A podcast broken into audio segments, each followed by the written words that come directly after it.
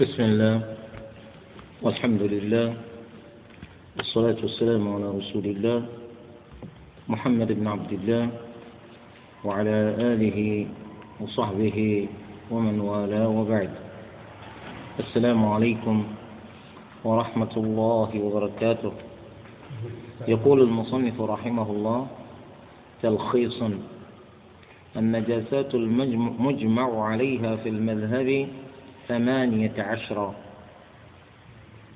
طبعا إذا أعدنا النظر فيما سبق للمصنف أن تكلم فيه من النجاسات فإننا نستطيع أيضا بدورنا أن نلخص ما تم تلخيصه من قبله. وهو يقول النجاسات المجمع عليها في المذهب بمعنى المتفق عليها في المذهب ثمانية عشر لأن الإجماع إنما يكون إجماعا فيما إذا عم اتفاق جميع مجتهدي أمة محمد صلى الله عليه وآله وسلم في عصر من العصور على حكم شرعي. هذا هو الإجماع المصطلح عليه عند العلماء. أما قوله المجمع عليها في المذهب فهذا تقييد تقييد لما ليس قابلا للتقييد فهو في الحقيقة إنما أراد بقوله هذا الاتفاق. وذلك إذا إذا إذا إذا إذا نظرنا إلى قولهم ووازنا بينه وبين قولهم من فقهاء الأمة فإنه يكون اتفاقا داخل المذهب. يكون اتفاقا داخل المذهب.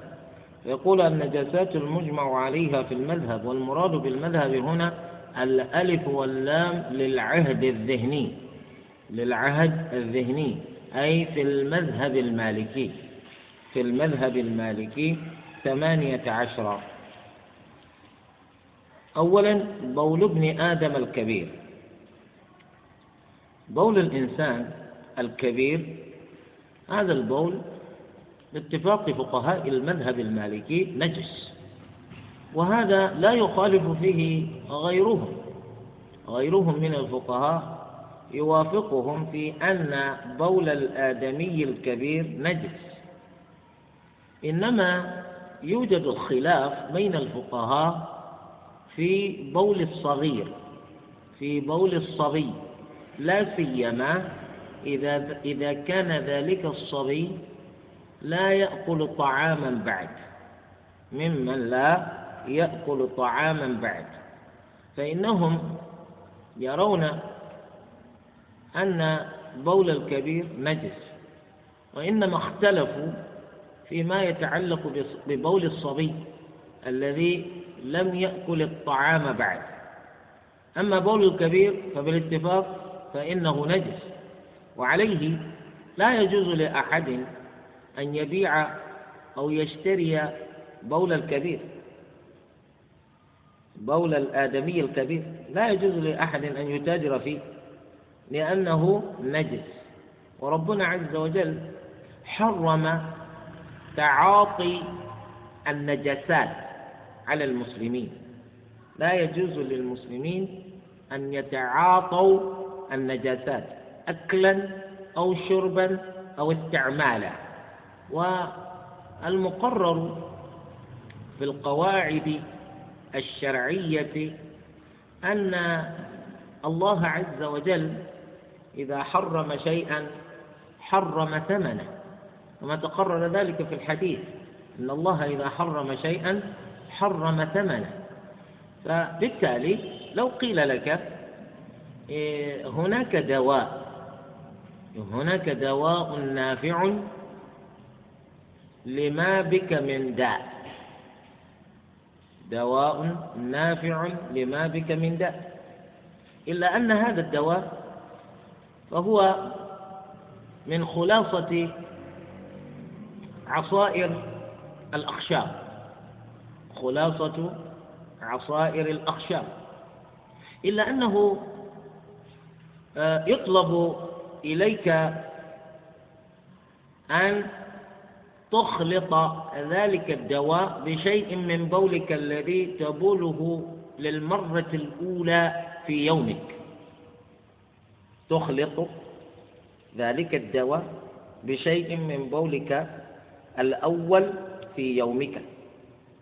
نقول لماذا؟ ربنا عز وجل حرم علينا تعاطي النجاسات فلماذا أنا أتداوى بما حرمه الله؟ لا أتداوى بما حرمه الله. ولا أحد ممن يتمتع بشيء من العقل يقول إن البول ليس بنجس. الذي يقول إن البول طاهر بول آدمي كبير طاهر هذا يكون في عقله خلل. يكون في عقله خلل. إذا إذا كان الآدمي هذا أنثى كبيرة بولها أيضا نجس. إذا كان ذكرا بوله نجس. وإذا كان ذلك الآدمي كبيرا نسبيا إلا أنه لم يبلغ بعد. ماذا نقول عن بوله؟ نجس أيضا. نقول عن بوله نجس أيضا. إن الذي اختلفوا في حكم بوله هو الرضيع الولد الرضيع الطفل المولود للتو.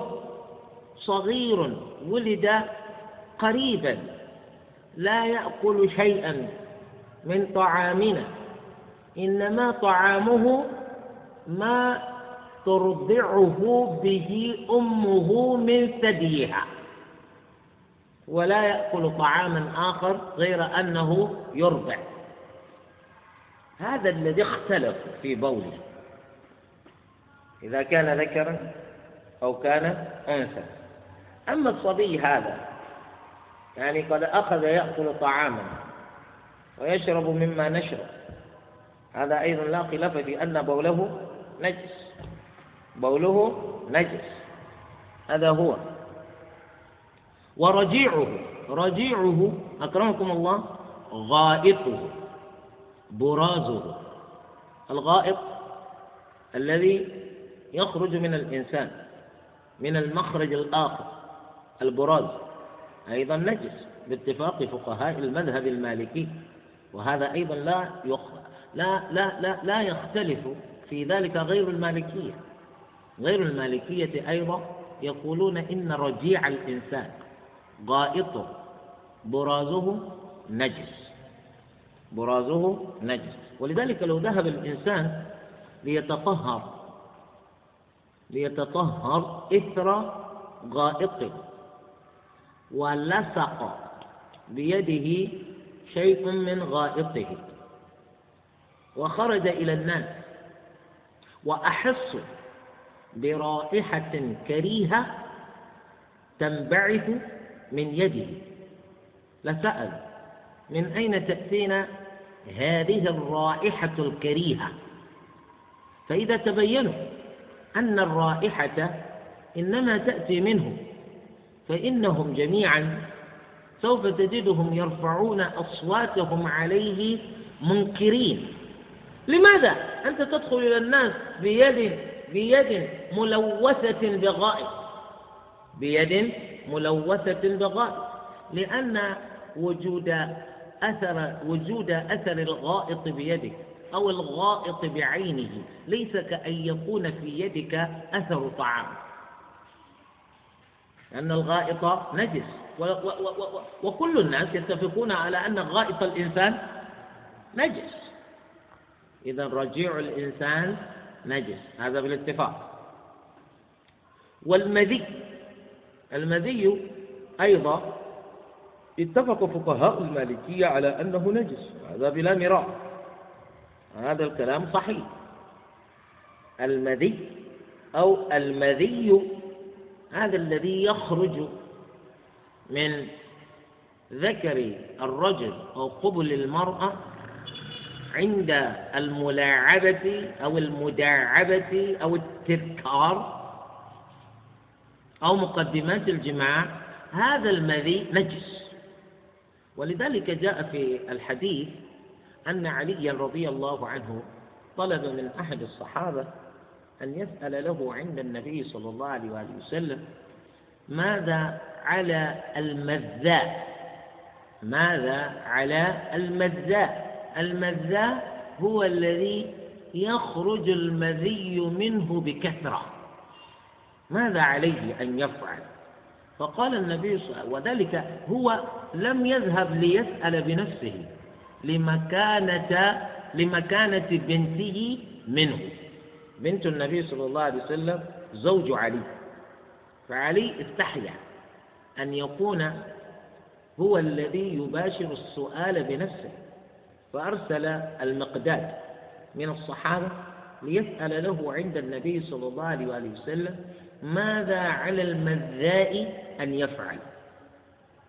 فبين له النبي صلى الله عليه وسلم أنه يغسل ذكره كله منه يغسل منه ذكره كله.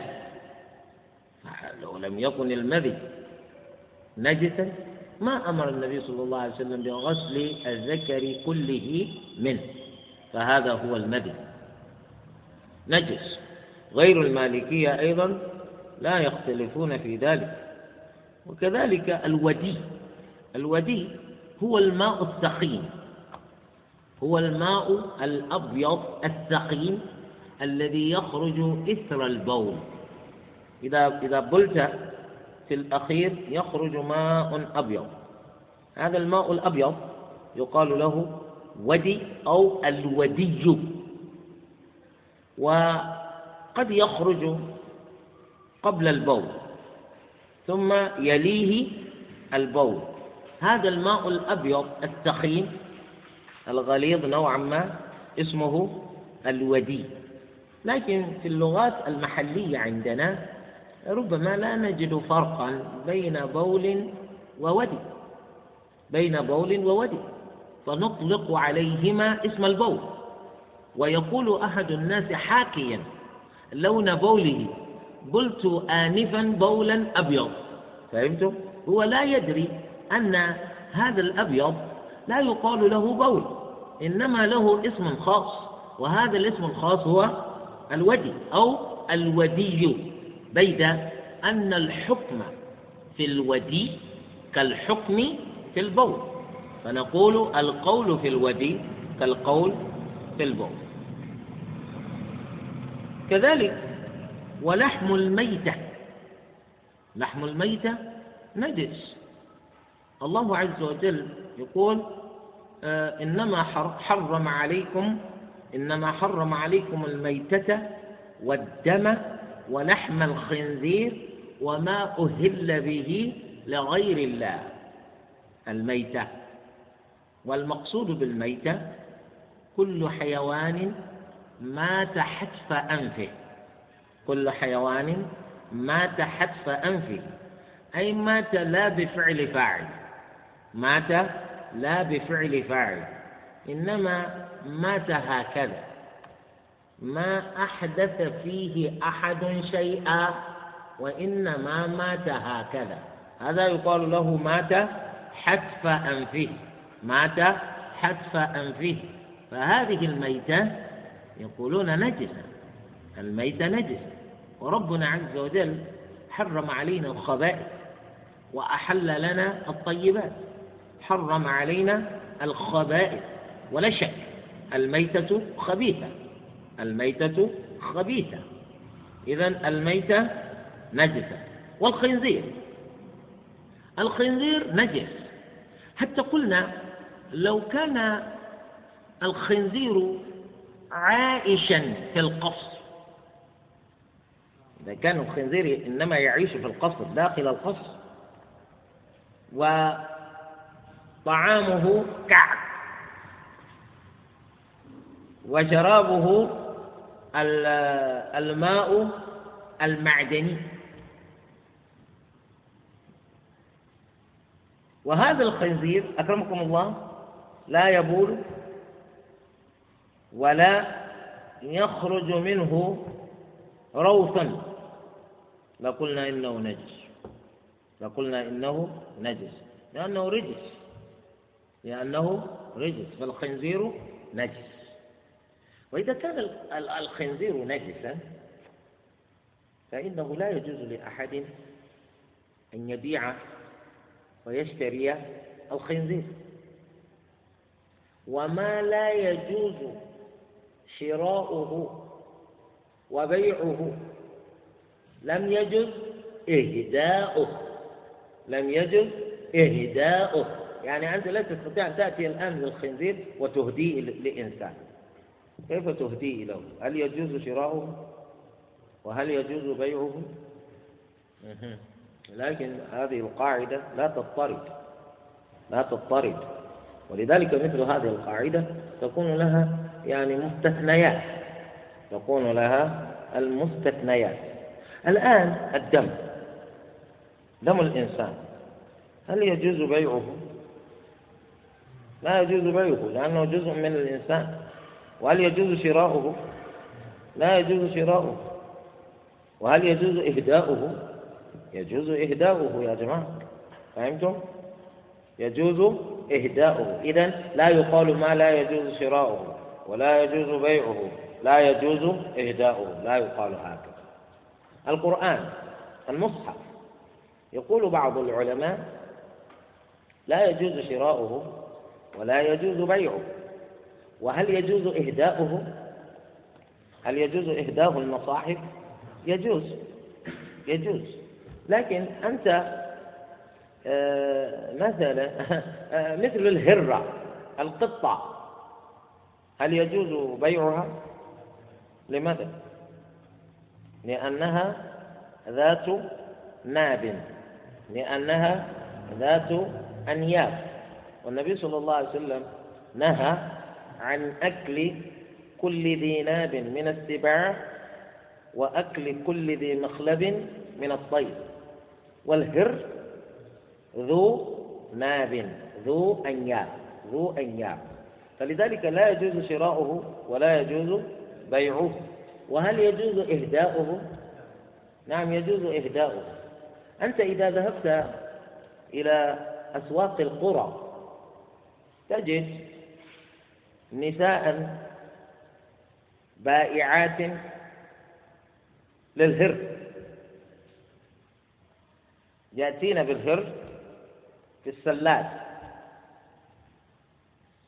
ويبعنها يبعنه هل يجوز لك أن تشتري الهر؟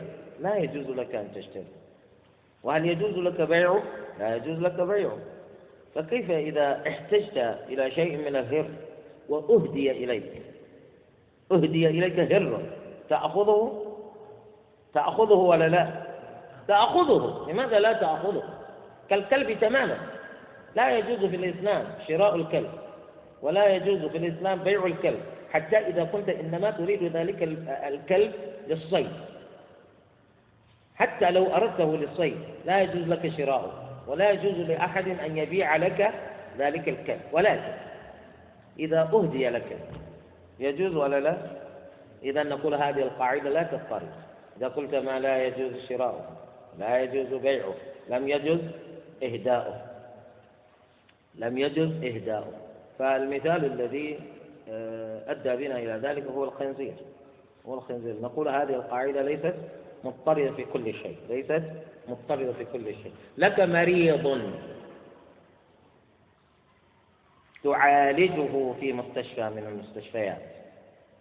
وهو يعاني من فقر الدم يحتاج إلى الدم. وأنت وجدت من يوافقه في فصيلة دمه في فصيلة دمه. هو فصيلة دمه بي زائد با زائد. فوجدت من عنده نفس الفصيلة. إلا أن هذا الإنسان ثم الفصيلة هذه نادرة. أكثر الناس فصائل دمائهم تخالف فصيلة دم المريض. فالذي عنده نفس هذا الفصيل يقول أنا لن أهديكم شيئا من دمي. وإنما أبيعه بيعا. وأنتم تخافون على هذا الإنسان من الهلاك ماذا تفعلون؟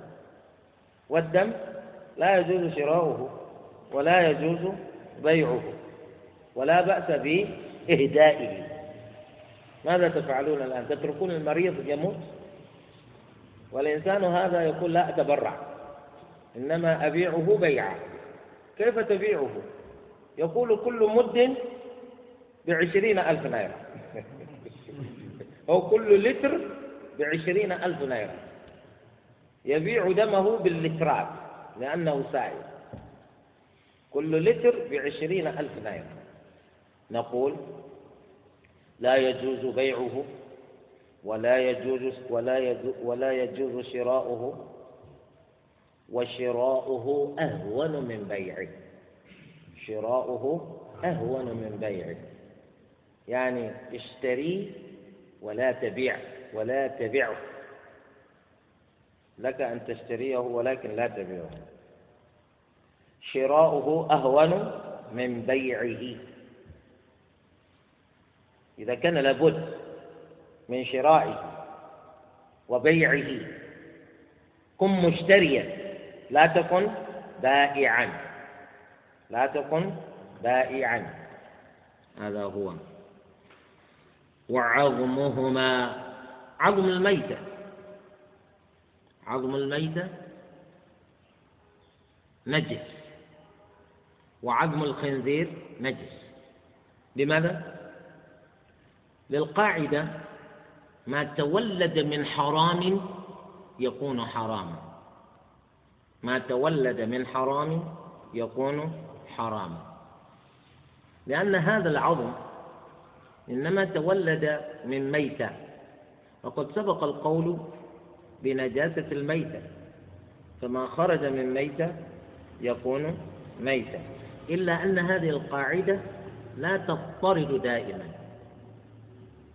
بدليل أننا نقول ماذا تقول في شعر الميتة؟ شعر الميتة. وقد تولد من نجس. هل هو نجس؟ لا ليس نجسا قطعا.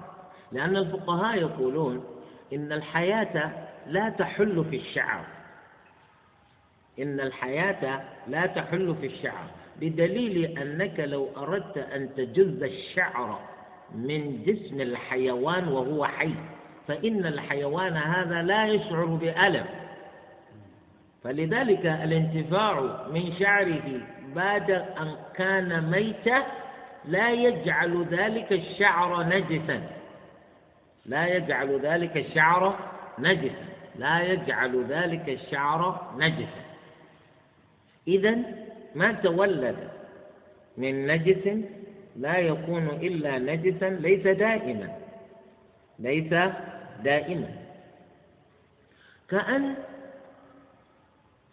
كأن تموت كأن تموت الناقة. حتف أنفها. ماتت حتف أنفها. إذا بنا نرى حركة شديدة في بطنها. لجنين في بطنها لما تمت بعد. فبقرنا بطن الناقة واستخرجنا جنين الناقة. فعاش فعاش الجنين. لا نقول لا نقول ما تولد من نجس لا يكون إلا نجسا فهمتم؟ إذا دائما القواعد الفقهية إذا اضطردت في كل مسألة مسألة يقال لها قاعدة فقهية. أما خروج مسألة ومسألة وأخرى من هذه القاعدة الأم لا يجعل القاعدة غير قاعدة كبرى. تبقى القاعدة كبرى. لكن مع ذلك نقول لها مستثنيات. فيقال ما من قاعدة كلية إلا ويعتريها الاستثناء. إلا ويعتريها الاستثناء. فهذا هو. إذا وعظم عظم الخنزير أيضا نجس. عظم الخنزير نجس. لو أن إنسانا ذهب إلى السوق فطلب إليهم أن يبيعوا له عظم الخنزير لأنه يريد أن يتذوق عظم الخنزير ليرى كيف لذته وماذا يكون طعمه. فاشترى عظم الخنزير نقول شراؤه هذا باطل. شراؤه هذا باطل. لماذا؟ لأن الخنزير محرم بيعه وشراؤه وهو الآن بشرائه عظم الخنزير فقد اشترى الخنزير. هو يقول الذي حرم الله عز وجل إنما هو لحم الخنزير ولا توجد آية ذكر الله عز وجل فيها أنه حرم علينا عظم الخنزير. ماذا تقولون له؟ لماذا تجيبونه؟ ويقول أو لحم أو لحم خنزير وهذا عظم الخنزير. ماذا تقول نقول له أيهما أكثر في جسد الخنزير؟ اللحم أم العظم؟ اللحم. ثانيا الناس إذا اشتروا الخنزير للأكل الذي يقصدون أكله منه لحمه أو عظمه؟ لحمه. إذا أكثر أوجه الانتفاع من الخنزير هو أكل لحمه. فأمر الله عز وجل بتحريم أكل لحم الخنزير إنما خرج مخرج الغالب. والقاعدة تقول ما خرج مخرج الغالب لا مفهوم له. فلا يفهم من هذه الآية أن الله عز وجل لم يحرم علينا عظم الخنزير ولم يحرم علينا شحم الخنزير.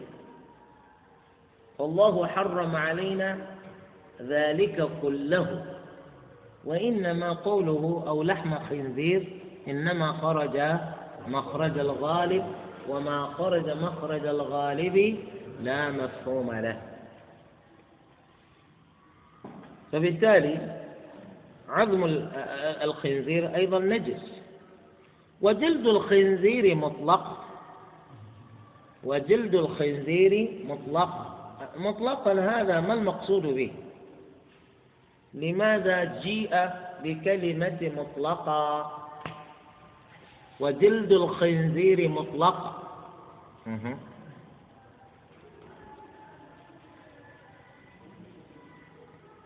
أي سواء ذبح أم لم يذبح.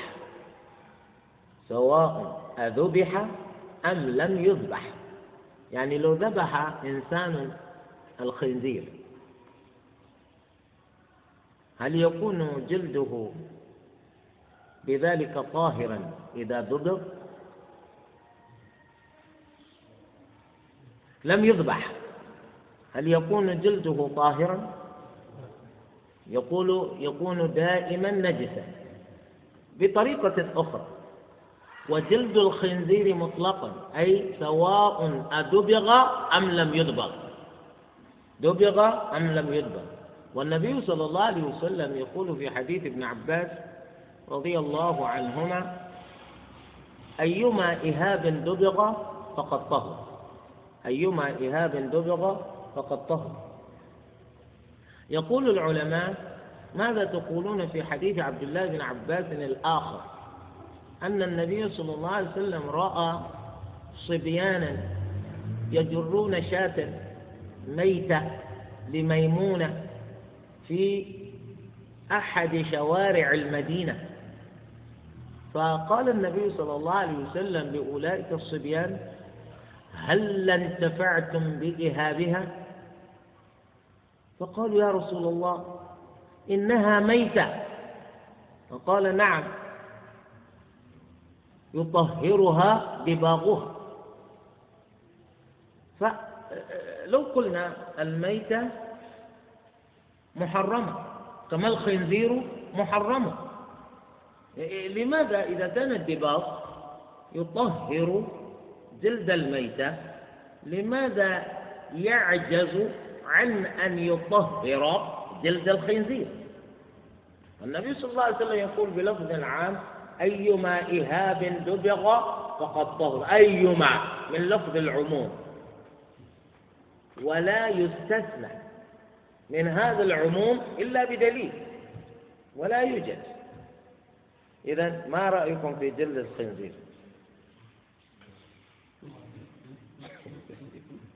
إذا دبغ يدبغ ليؤكل طبعا القول عن الأكل خارج. لكن إذا دبغ ربما يصنعون منه المحفظة وربما يصنعون منه الحقائق وربما يصنعون منه النعال وهكذا. كذلك الأحزمة. آه، ما رأيكم؟ يقول الفقهاء أثبتوا لنا أولا أن للخنزير جلدا. ثم إذا أثبتتم أن للخنزير جلدا نستمر في الكلام لكنكم قبل أن تثبتوا لنا هذا لا تتعبون ولا تتعبوا أنفسكم. أثبتوا لنا أن للخنزير جلدا. هل للخنزير جلد؟ في رأيكم. طبعا أنتم لا لا تأكلون الخنازير ولكن من بعيد كده. هل رأيتم جلدا للخنزير؟ لا ندري. هو بالقطع له جلد لكن ذلك الجلد قد يكون رقيقا. كأنه يميل يختلط مع مع لحمه هنا فلذلك حتى الفقهاء يقولون أثبتوا لنا أولا أن له جلدا. فالكلام عن جلده خارج. نجس نجس. والحمد لله. إذا هذا يستثنى. من عموم قول النبي صلى الله عليه وسلم أيما إهاب دبغ فقد طهر. نقول لا كجلد الخنزير إن كان للخنزير جلد. وجلد الميتة إن لم يدبغ. جلد الميتة إن لم يدبغ. هذا متفق عليه أنه يبقى نجسا أما إذا دبغ فإنه يطهر لعموم قول النبي صلى الله عليه وسلم أيما إهاب دبغ فقد طهر. وفي حديث الصبيان فالنبي صلى الله عليه وسلم نص في شاة ميتة أنه دباغ دباغها أو دباغ جلده طهور. دباغه طهور. هذا هو. وما قطع من الحي في حال حياته. اتفق الفقهاء على أن الحيوان حالة حياته إذا قطع منه شيء. مما تحله الحياة. مما تحله الحياة. كعظم أو قرن أو ظلف. كل هذا إذا قطع. أو عضو. لأنك لا يمكنك أن تقطع ذراع الحيوان وهو حي إلا وتقطعها بعظمها. أرأيت لو أنك إنما قطعت مضغة من لحم ذراع ذلك الحيوان؟ نقول نعم قطعت جزءا تحله الحياة لأن الحيوان سيشعر بالألم بالألم الشديد وأنت تقطع ذلك الجزء. فكل شيء تبينه أي تقطعه من جسم الحيوان مما تحله الحياة. فبقطعك إياه صار نجسا. فهمتم؟ مثل الإنسان يقول أنا أريد أن آكل فخذ الضأن. ثم أخذ فقطع فخذ الضأن والضأن حي. هذا الذي قطعته نجس. لا يجوز أكله. لا يجوز أكله لأنه نجس. هذا هو. إلا الشعر. وما في معناه الشعر وما في معناه لأن الحيوان إذا قطع أو جز منه شعره وهو حي لا يتألم بذلك. لا يتألم بذلك. فلذلك لو قمت بجز الشعر والحيوان حي فذلك لا يجعل ذلك الشعر نجسا. وما في معناه؟ يا ترى ما الذي في معنى الشعر في جسم الحيوان؟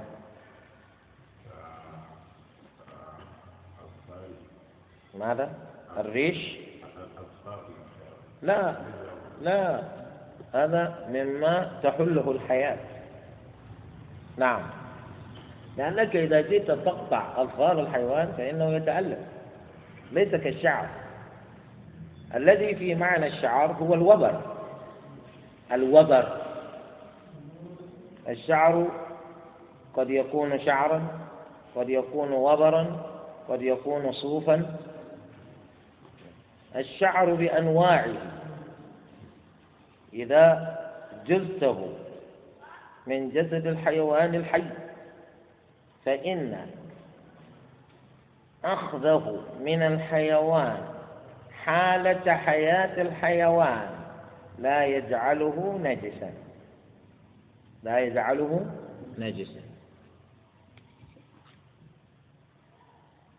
ولبن الخنزير ماذا تفعل بلبن الخنزير؟ فهمتم لبن الخنزير. طبعا أولئك الذين يتعاطون السحر السحرة والمشعوذين والكهنة. هؤلاء طبعا قد يجدون شيئا مسجلا عندهم أن المواد التي آه، آه، تطلب من أجل تركيب دواء ما هو لبن الخنزيرة أما المسلم لا. المسلم لا علاقة له بالخنازير. كذلك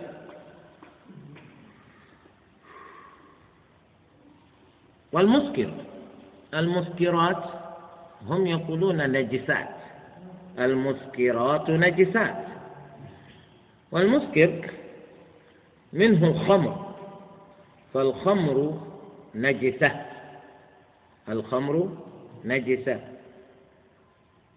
طبعا الخمر بجميع أنواعها نجسة. وهل كذلك كل ما فيه الإسكار كالحشيش؟ الحشيش هل هو نجس أيضا؟ على هذا القول كل مسكر نجس. لكن العلماء يختلفون في هذا. المالكية هم يقولون نجس وغيرهم يقولون ليس بنجس عيني.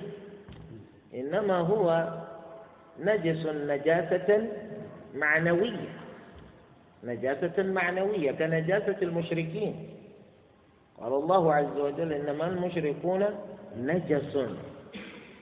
نجس أي نجاسة معنوية لا عينية. لا عينية ولا حسية. وبول الحيوان المحرم الأكل. مثل ماذا؟ الحيوان الذي حرم الله أكله. مثل كالكلب. وهل الكلب محرم الأكل عند المالكية؟ نعم لأن المالكية هم يرون في قول في المذهب يرون جواز بيع الكلب وجواز شراء الكلب. فإذا جاز بيعه وجاز شراؤه جاز أكله. ما قالوا هذا الأخير؟ يعني أنتم قلتم يجوز بيعه فيجوز شراؤه؟ غيرهم ألزموه. إذا جاز بيعه وجاز شراؤه في مذهبكم إذا يجوز أكله في مذهبكم فأخذوا بلازم قولهم. والقاعدة تقول لازم القول ليس بقول. لازم القول ليس بقول. إذا مثلا أنت تقول أنا والحمد لله آه،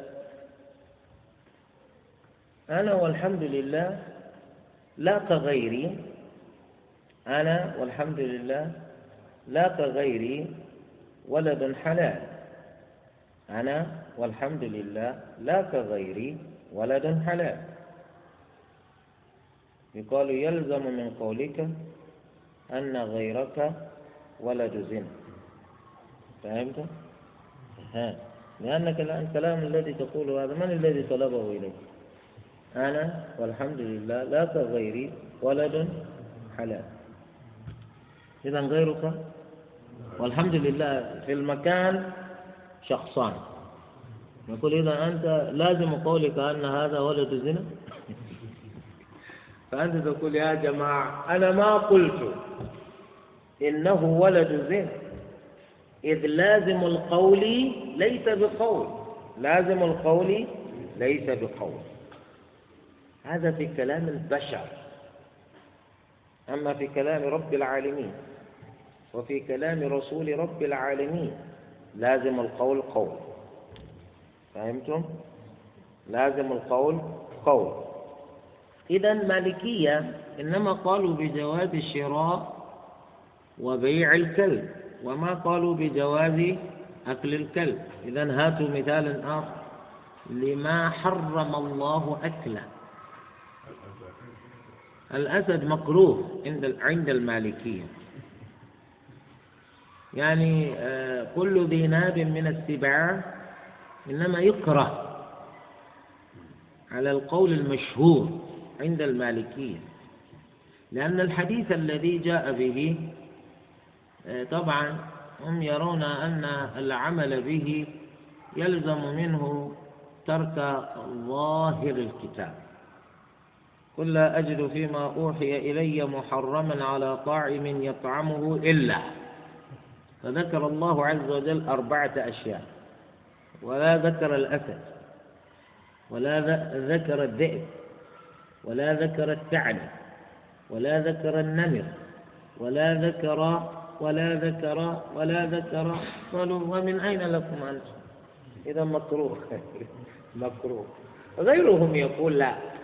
النبي صلى الله عليه وسلم لما نهى عن أكل كل ذي ناب من السباع وكل ذي مخلب من الطير هذا يفهم منه أن النهي هذا نهي زائد. نهي مستقل زائد على ما جاء به الكتاب. فهذه السنة الدليل هذا مثل هذا الدليل يقال له سنة مؤسسة سنة مؤسسة أي سنة جاءت لتؤسس لأحكام جديدة. لا وجود لها في القرآن. لا وجود لها في القرآن. لأن القرآن لا يوجد فيه أن الله عز وجل حرم علينا حرم علينا ذوات أيام من السباع. ولا يوجد في القرآن ما يدلنا على أن الله عز وجل نهانا عن أكل آه، ذوات المخالب من الطيور. إلا أن هذه السنة هذه السنة جاءت بحكم جديد. بحكم جديد. وربنا عز وجل يقول من يطع الرسول فقد أطاع الله.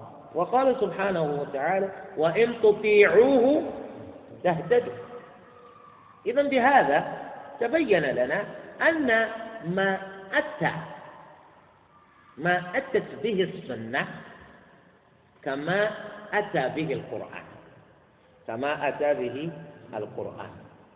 فلذلك نحن نقول ما يفيد ما تفيده السنة كما يفيده القرآن.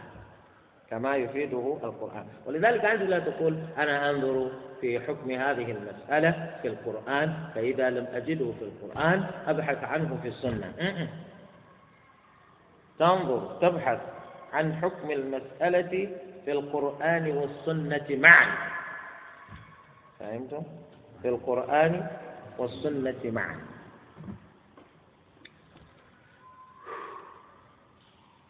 ورجيعه. المثال ما أتيتم بمثال حتى الآن. لحيوان محرم الأكل. الحية. أي نعم. النبي صلى الله عليه وسلم أمر بقتل الحية أينما وجدتها. كذلك العقرب.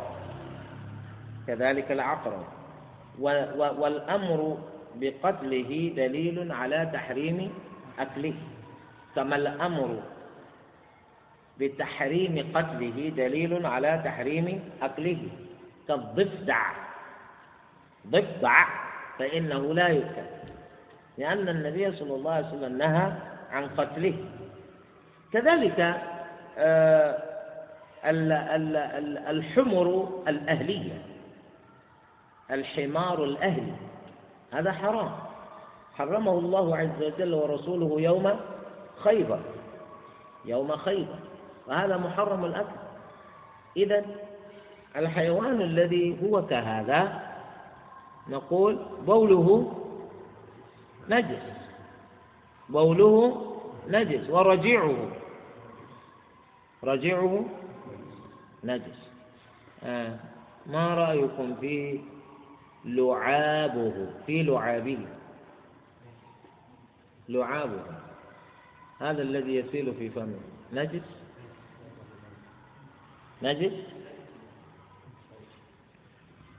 بأي دليل هو نجس؟ لأنه تولد من نجس. لا. يعني آه، أظن ما أدري نسيت. في يوم حجة الوداع. وقف النبي صلى الله عليه وسلم يخطب الناس. وهو فوق ناقته القصواء فلعاب القصواء أخذت تسيل على الصحابي الذي أخذ بزمامها. ولا أحد قال له آه، طهر هذا اللعاب. لأنه لعاب جاء من ناقة. فهمتم؟ أما لعاب الحمار إذا حكمنا على الحمار بالنجاسة في هذا الحديث فلعابه أيضا لا يكون طاهرا. لعابه أيضا لا يكون طاهرا. ما رأيكم في لعاب الكلب؟ في لعاب الثعبان؟ نجس لأنه نجس. وهكذا.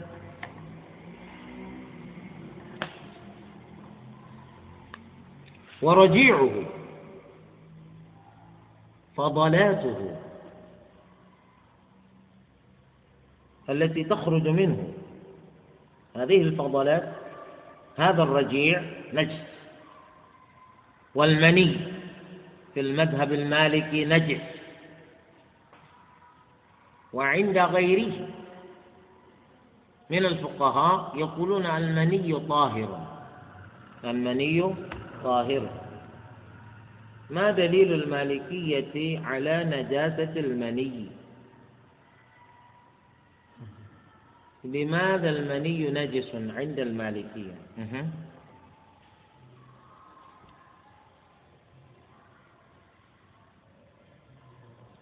لأنه؟ لأنه؟ لأنه يغتسل. يغتسل من خروجه. فلوجوب الغسل من خروجه حكم عليه بالنجاسة. ولماذا لا نغتسل من خروج البول؟ وهو متفق على. ولماذا لا نغتسل من خروج الغائط؟ ولا خلاف في أنه والبول نجاستان غليظتان. إذا ما في دليل. لماذا؟ النبي صلى الله عليه وسلم أمر بالغسل منه. وهل تعرفون شيئا آخر؟ ليس بنجس وأمرنا بالغسل منه؟ الولادة. لو ولدت المرأة وخرج الولد بلا دم ولا شيء تغتسل المرأة ولا لا؟ تغتسل. غسل نفاس فبطل بذلك قولكم بأنه موجب للغسل فاستدل به على نجاسته. هاتوا دليلا آخر. لماذا المني نجس أنت دائما تقول للناس هذا حدث أكبر. صح؟ إذا ليس حدثا أصغر. بأي دليل؟ هات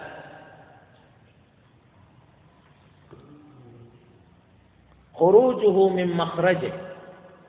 خروجه من مخرجه. لأن لأنه من المعلوم أن ما يخرج من ذلك المخرج نجس. فهل كل ما يخرج من ذلك المخرج نجس يبطل ذلك بالولد لأن الولد يخرج من ذلك المخرج صح؟ صح ولا لا؟ ومن الذي يقول أنا نجس؟ نعم دليل آخر حتى تقول إن المني نجس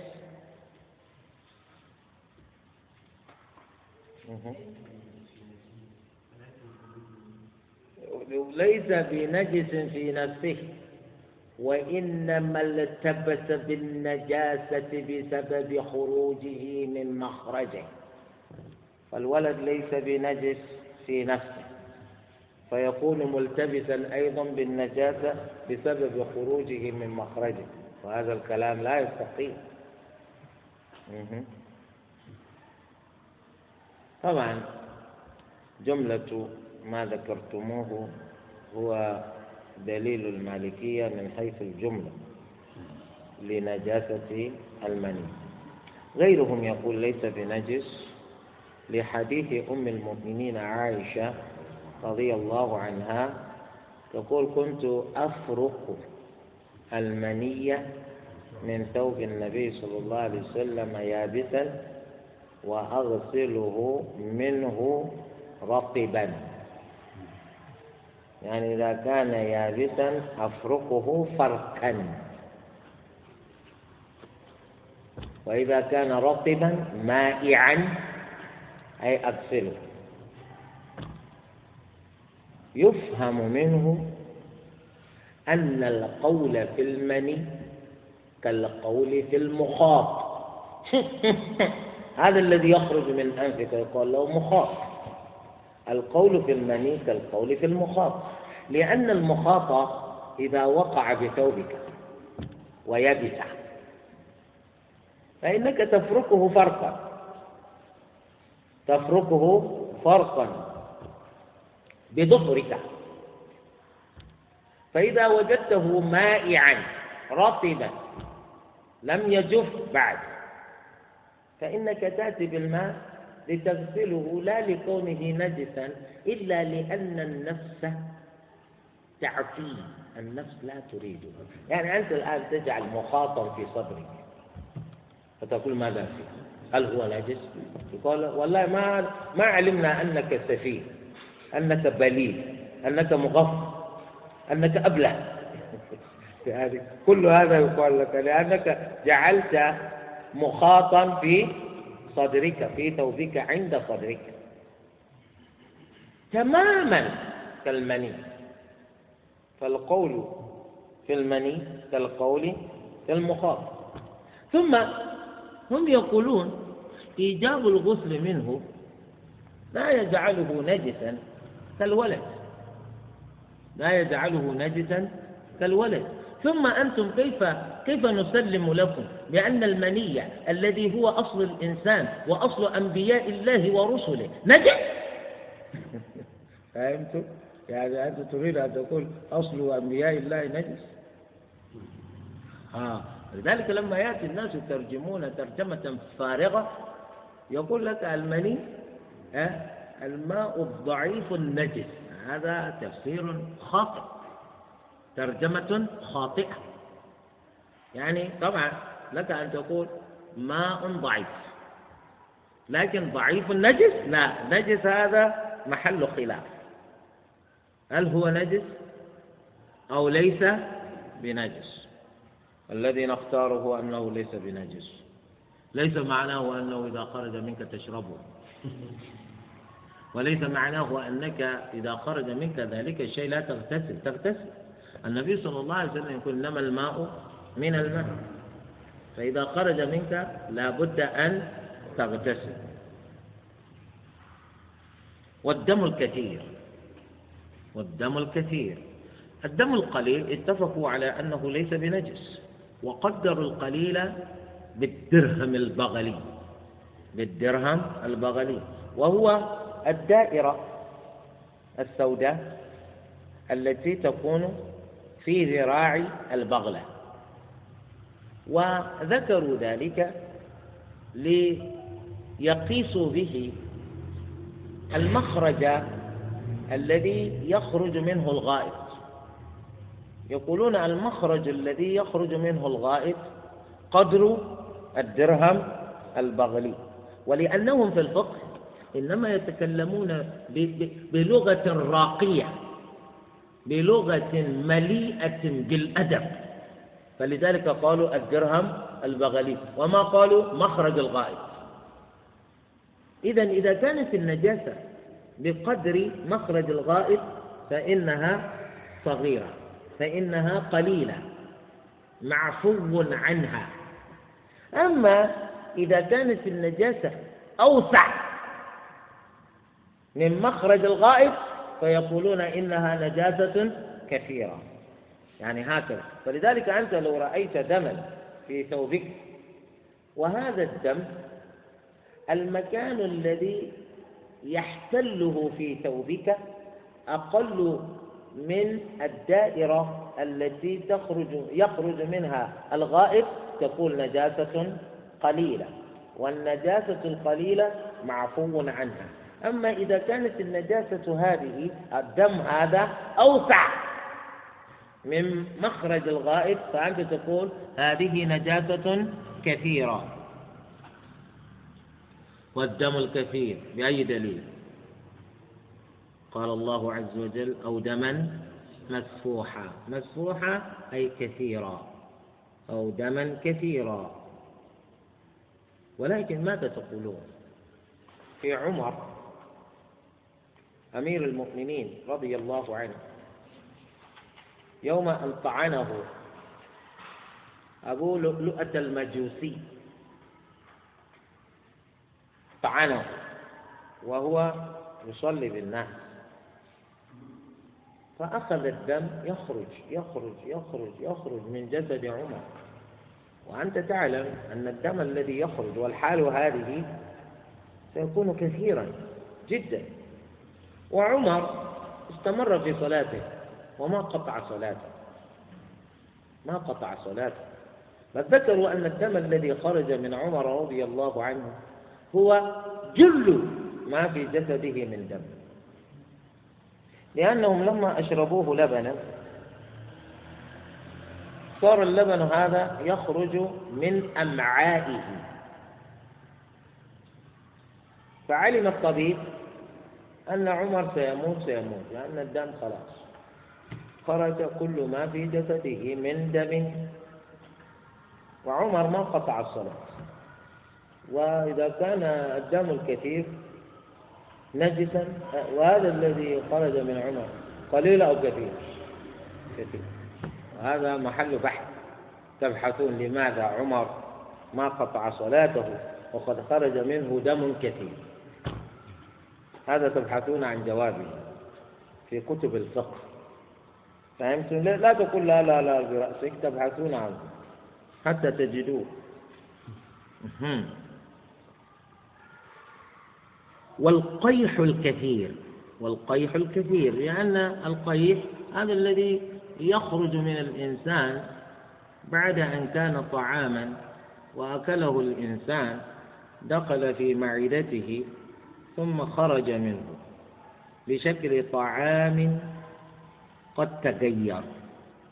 بشكل طعام قد تغير. هذا يقال له قيح. يقال له نه أستغفر الله. هذا يقال القيح هو الدم الذي اختلط بماء أبيض ثخين يخرج من جرح. هذا يقال له قيح. ماء القروح ماء القروح قروح هو الماء الأبيض الذي يخرج من جرح إذا جرحك شيء فيخرج منه الماء الأبيض. هذا يقال له في اللغة العربية قيح القول فيه كالقول في الدم. القول في القيح كالقول في الدم. أما القي القي بالهمزة. هذا الذي هو الطعام. الفرق بين الحاء والهمزة. الطعام إذا دخل في معدتك ثم خرج من المعدة هذا يقال له القي القي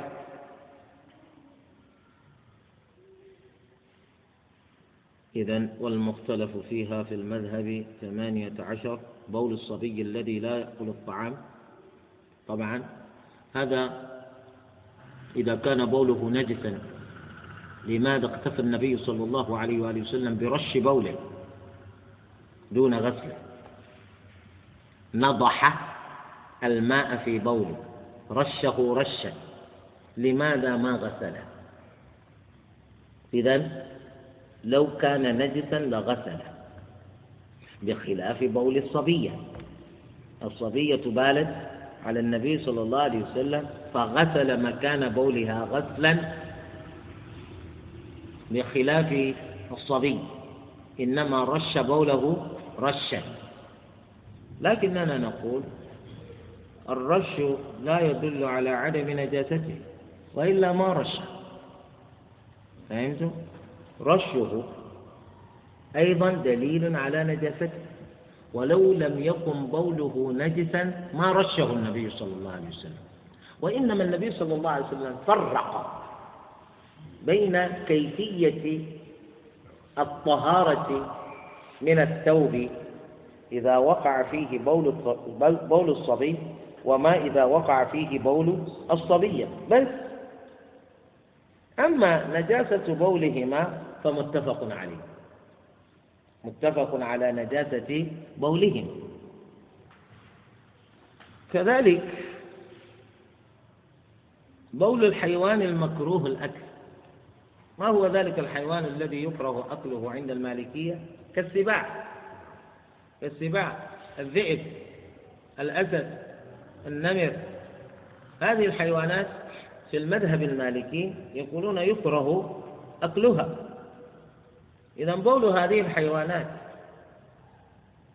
طاهر أو نجس هذا مختلف فيه في المذهب المالكي وإذ نحن لا نوافقهم في هذا الخلاف وإنما نرى نجاسة بول هذه الحيوانات قولا واحدا فأبوالها نجسة.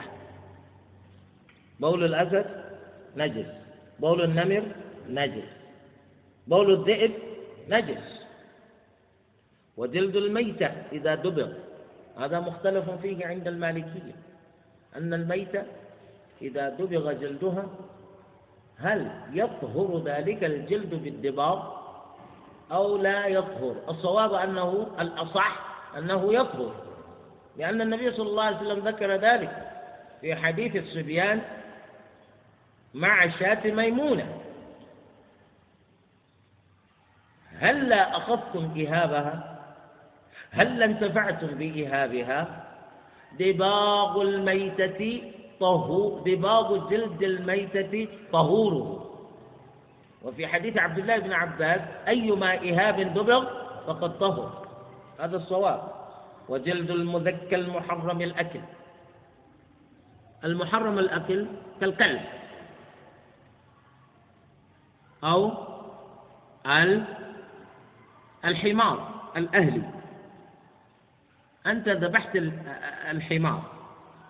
هل بذبحك إياه يصير جلده طاهرا أو نجسا؟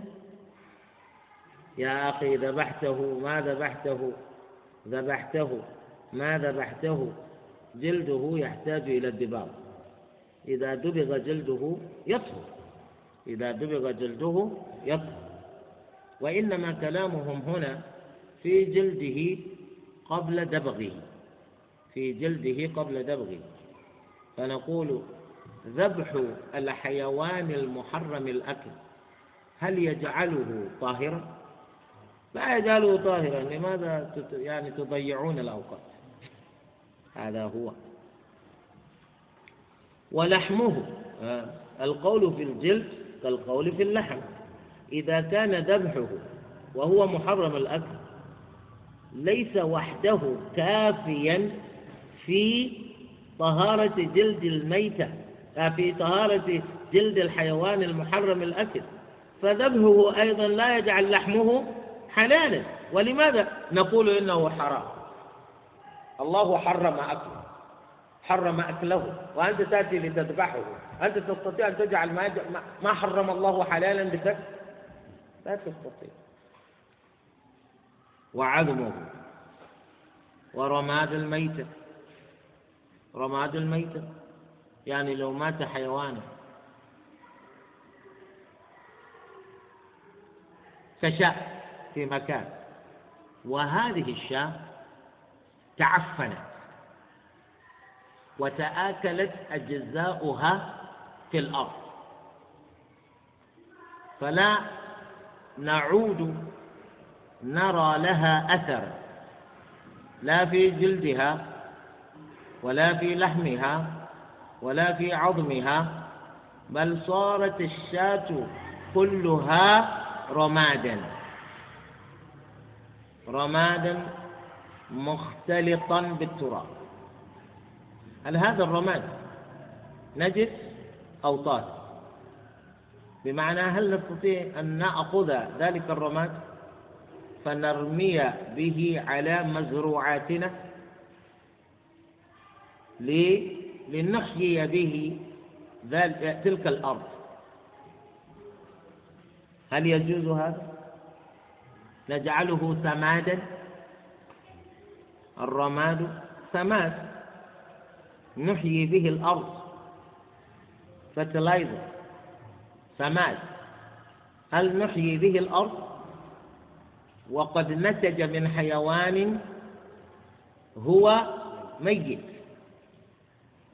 خلاف بين الفقهاء. لأنهم يقولون هذا نتج من حيوان ميت وهو نجس. لماذا ننتفع منه لماذا ننتفع منه؟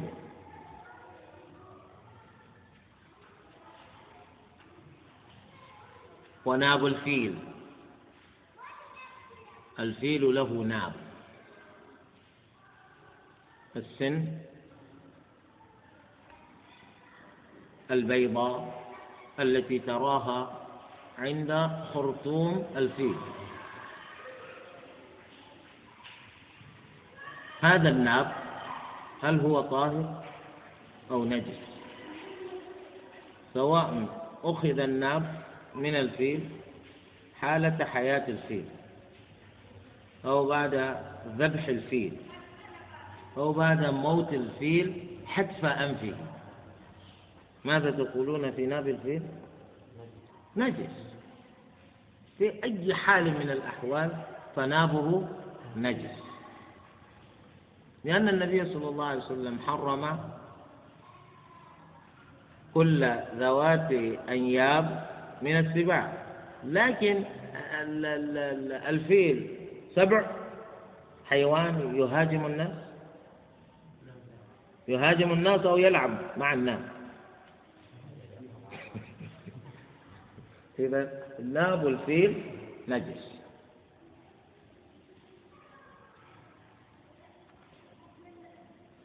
ودم الحوت. الحوت السمك الكبير. الذي يعيش في البحر. ما حكم دمه؟ دم ما يعيش على البر كدم ما يعيش في البحر. الدم هو الدم. الله عز وجل إنما حلل لنا ميتة البحر. وما خصص ربنا لنا الدم. الدم وحده نجس. أما الحيوان هذا إذا مات هو في البحر فهو طاهر. والذباب دم الذباب. طاهر أو نجس؟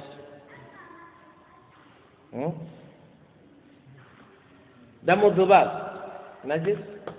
كيف هو نجس؟ نعم لأنه لأنه من الذباب. لا له دم. ليس له دم سائل.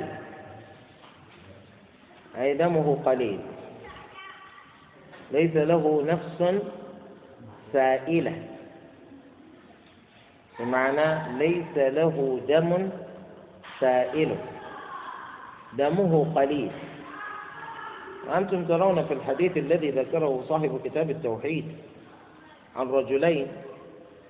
مر بصنم لقوم لا يجتازه أحد إلا إذا تقرب إليه بشيء. فتقرب أحدهما بذبابة قتل ذبابة هم يحتاجون إلى ما في قلبه.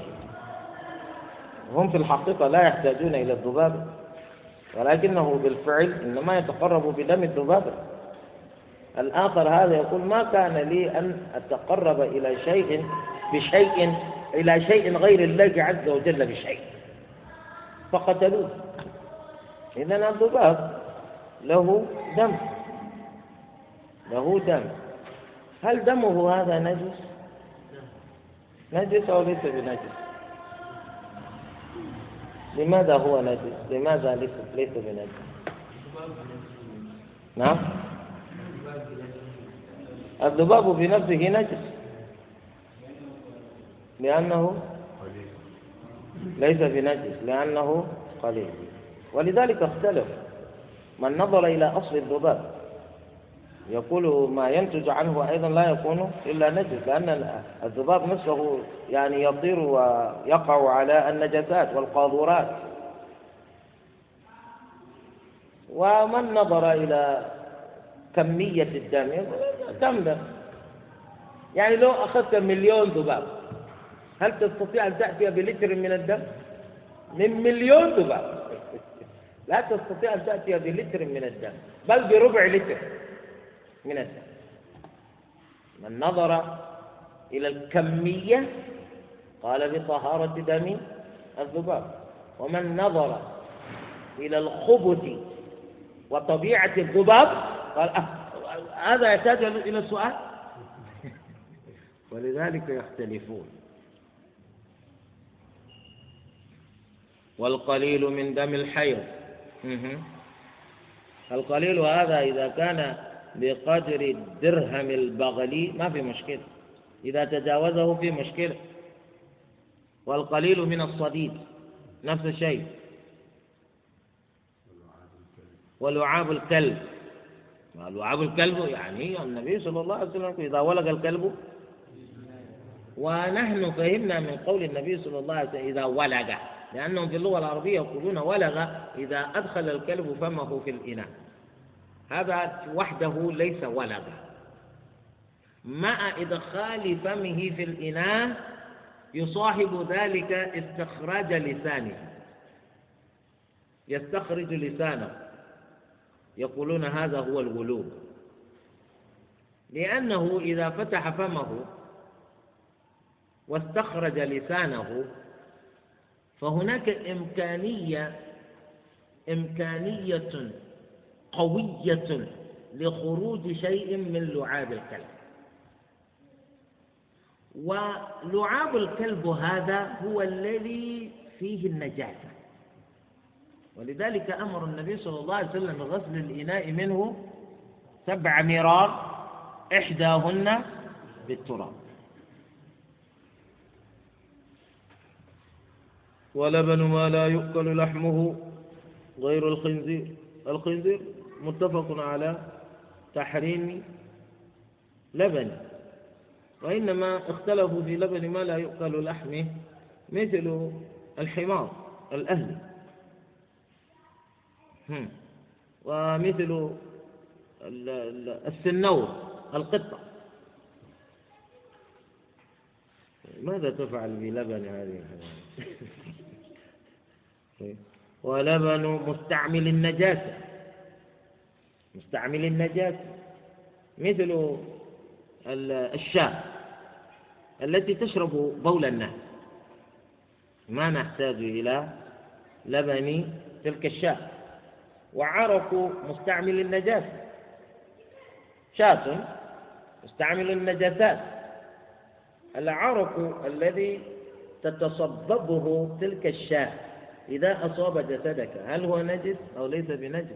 خاصة وأن تلك الشاة تتعاطى النجاسات تستعمل النجاسات. خلاف. وشعر الخنزير إذا كان للخنزير شعر. أو نقول كل ما يتعلق بالخنزير حرام حرام. نجس نجس. فنسلم. بعض الفقهاء هم يرون أن شعر الخنزير إذا أخذ فإنه لا يكون نجسا لأن الشعر غير اللحم. والخمر إذا خللت. الخمر تتخلل. يعني هي خمر. وتسكر. هناك طريقة يسلكونها لمعالجة الخمر. لتصير بعد أن كانت خمرا خلا. يعني هي خمر. إذا عولجت بطريقة ما تتخلل. بمعنى تصير خلة. والخلة هو الماء الذي يكون آه، حمضيا. بمعنى إذا أنت جعلته في فمك فإنه يحرقك. الحمضي الخمر يصير حمضيا إذا تخللت. فلا تذكر. فلا تذكر. وهناك فرق بين أن تتخلل الخمر بغير فعل فاعل وأن تتخلل بتدخل متدخل. لا خلاف بين الفقهاء أن الخمر إذا تخللت بنفسها تطهر. لأنها إذا تركت يعني فترة ما فإنها يعني تصير خلة بعد أن كانت خمرا. لكن هناك طريقة للمعالجة. إذا سلكها الناس فإن الخمر بذلك تصير خلة. هل إذا صارت الخمر خلة بفعل فاعل كما إذا صارت خلة بدون فعل فاعل؟ فلا يختلفون في الأول إذا كان بدون فعل فاعل وإنما يختلفون فيما إذا وقع ذلك بفعل فاعل. فهمتم؟ يكفي هذا. نسأل الله عز وجل أن يعلمنا ما جهلنا وأن يبارك لنا فيما علمنا. وأن يزيدنا علما.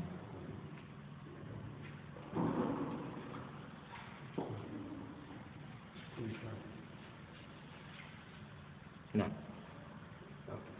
أتمنى أن الذي يعمل في وقد تلوث ثوبه بالدم. تلوث ثوبه؟ نعم لا لا لا يجوز له أن يصلي بمثل ذلك الثوب. بل عليه أن يغيره قبل أن يصلي لأن المصلي إذا قام يصلي فإنما يناجي ربه. كيف تناجي ربك بثوب قد تلطخ بالدم؟ لا يجوز لك أن تصلي وتقف أمام الله بمثل ذلك الثوب. أما تستحي من الوقوف بين يدي الرحمن بمثل ذلك الثوب لا يجوز. رأيت لو قيل له إنه, إنه آه، آه، تريد منه أن يصاحبك بثوبه ذاك إلى أمير من أمراء المنطقة. هل يصاحبك بمثل ذلك الثوب؟ فما بالك إذا أردت أن تقف أمام بين يدي رب العالمين رب الملوك كلهم ورب الأمراء كلهم. الإنسان يجب عليه أن يتقي الله وأن يعلم للعبادة التي يقوم بها قدرها ليفوز. نعم. نعم. هل هل نقيس التطهير عند الكلب لسائر الحيوانات؟ لا هذا الحديث إنما ورد في الكلب ولم يرد في الخنزير ولم يرد في غير الكلب أبدا لم يرد في غير الكلب من السباع والنبي صلى الله عليه وآله وسلم يعلم بوجود تلك الحيوانات والخنزير مذكور في القرآن. النبي صلى الله عليه وسلم ذكر الخنزير في مواطن كثيرة في أحاديثه. بل النبي صلى الله عليه وسلم ذكر آه، السباع أعني الحيوانات المفترسة في مواطن متعددة في أحاديثه. ليدل ذلك على أن النبي صلى الله عليه وسلم على علم بوجود تلك الحيوانات. ومع ذلك خصص الكلب بالذكر. فلا مجال هنا للقياس. ولذلك سبق معنا في نفس الكتاب أنه لو ولد الخنزير في إناء أحدنا كم يغسل؟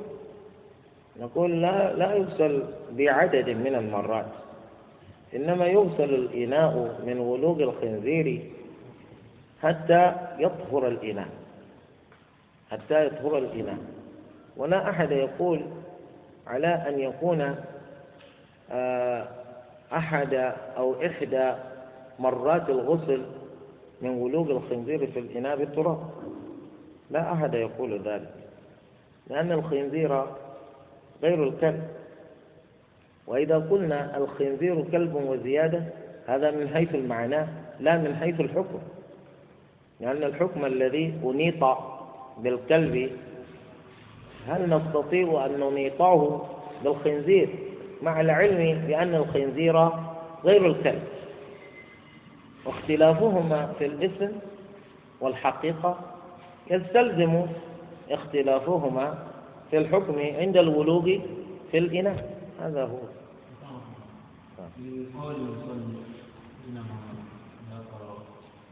ما قطع من في حياته وما في هل يدخل في ذلك؟ لا الظفر إذا أبين أو الظلف إذا أبين آه، من حيوان حي فهو حكمه أنه نجس لأن الحياة تحل في ذلك. الحياة تحل في ذلك. إلا إذا علمنا أن حيوانا من الحيوانات يعني جنس ذلك الحيوان إذا جئت أنت تريد أن تستخرج يعني آه، تستخرج ظفر ذلك الحيوان فإنه لا يتألم. هذا شيء آخر. هذا شيء آخر. هو من الشعر إذا قطع أي شعر؟ شعر الراس يبقى يبقى يكون الراس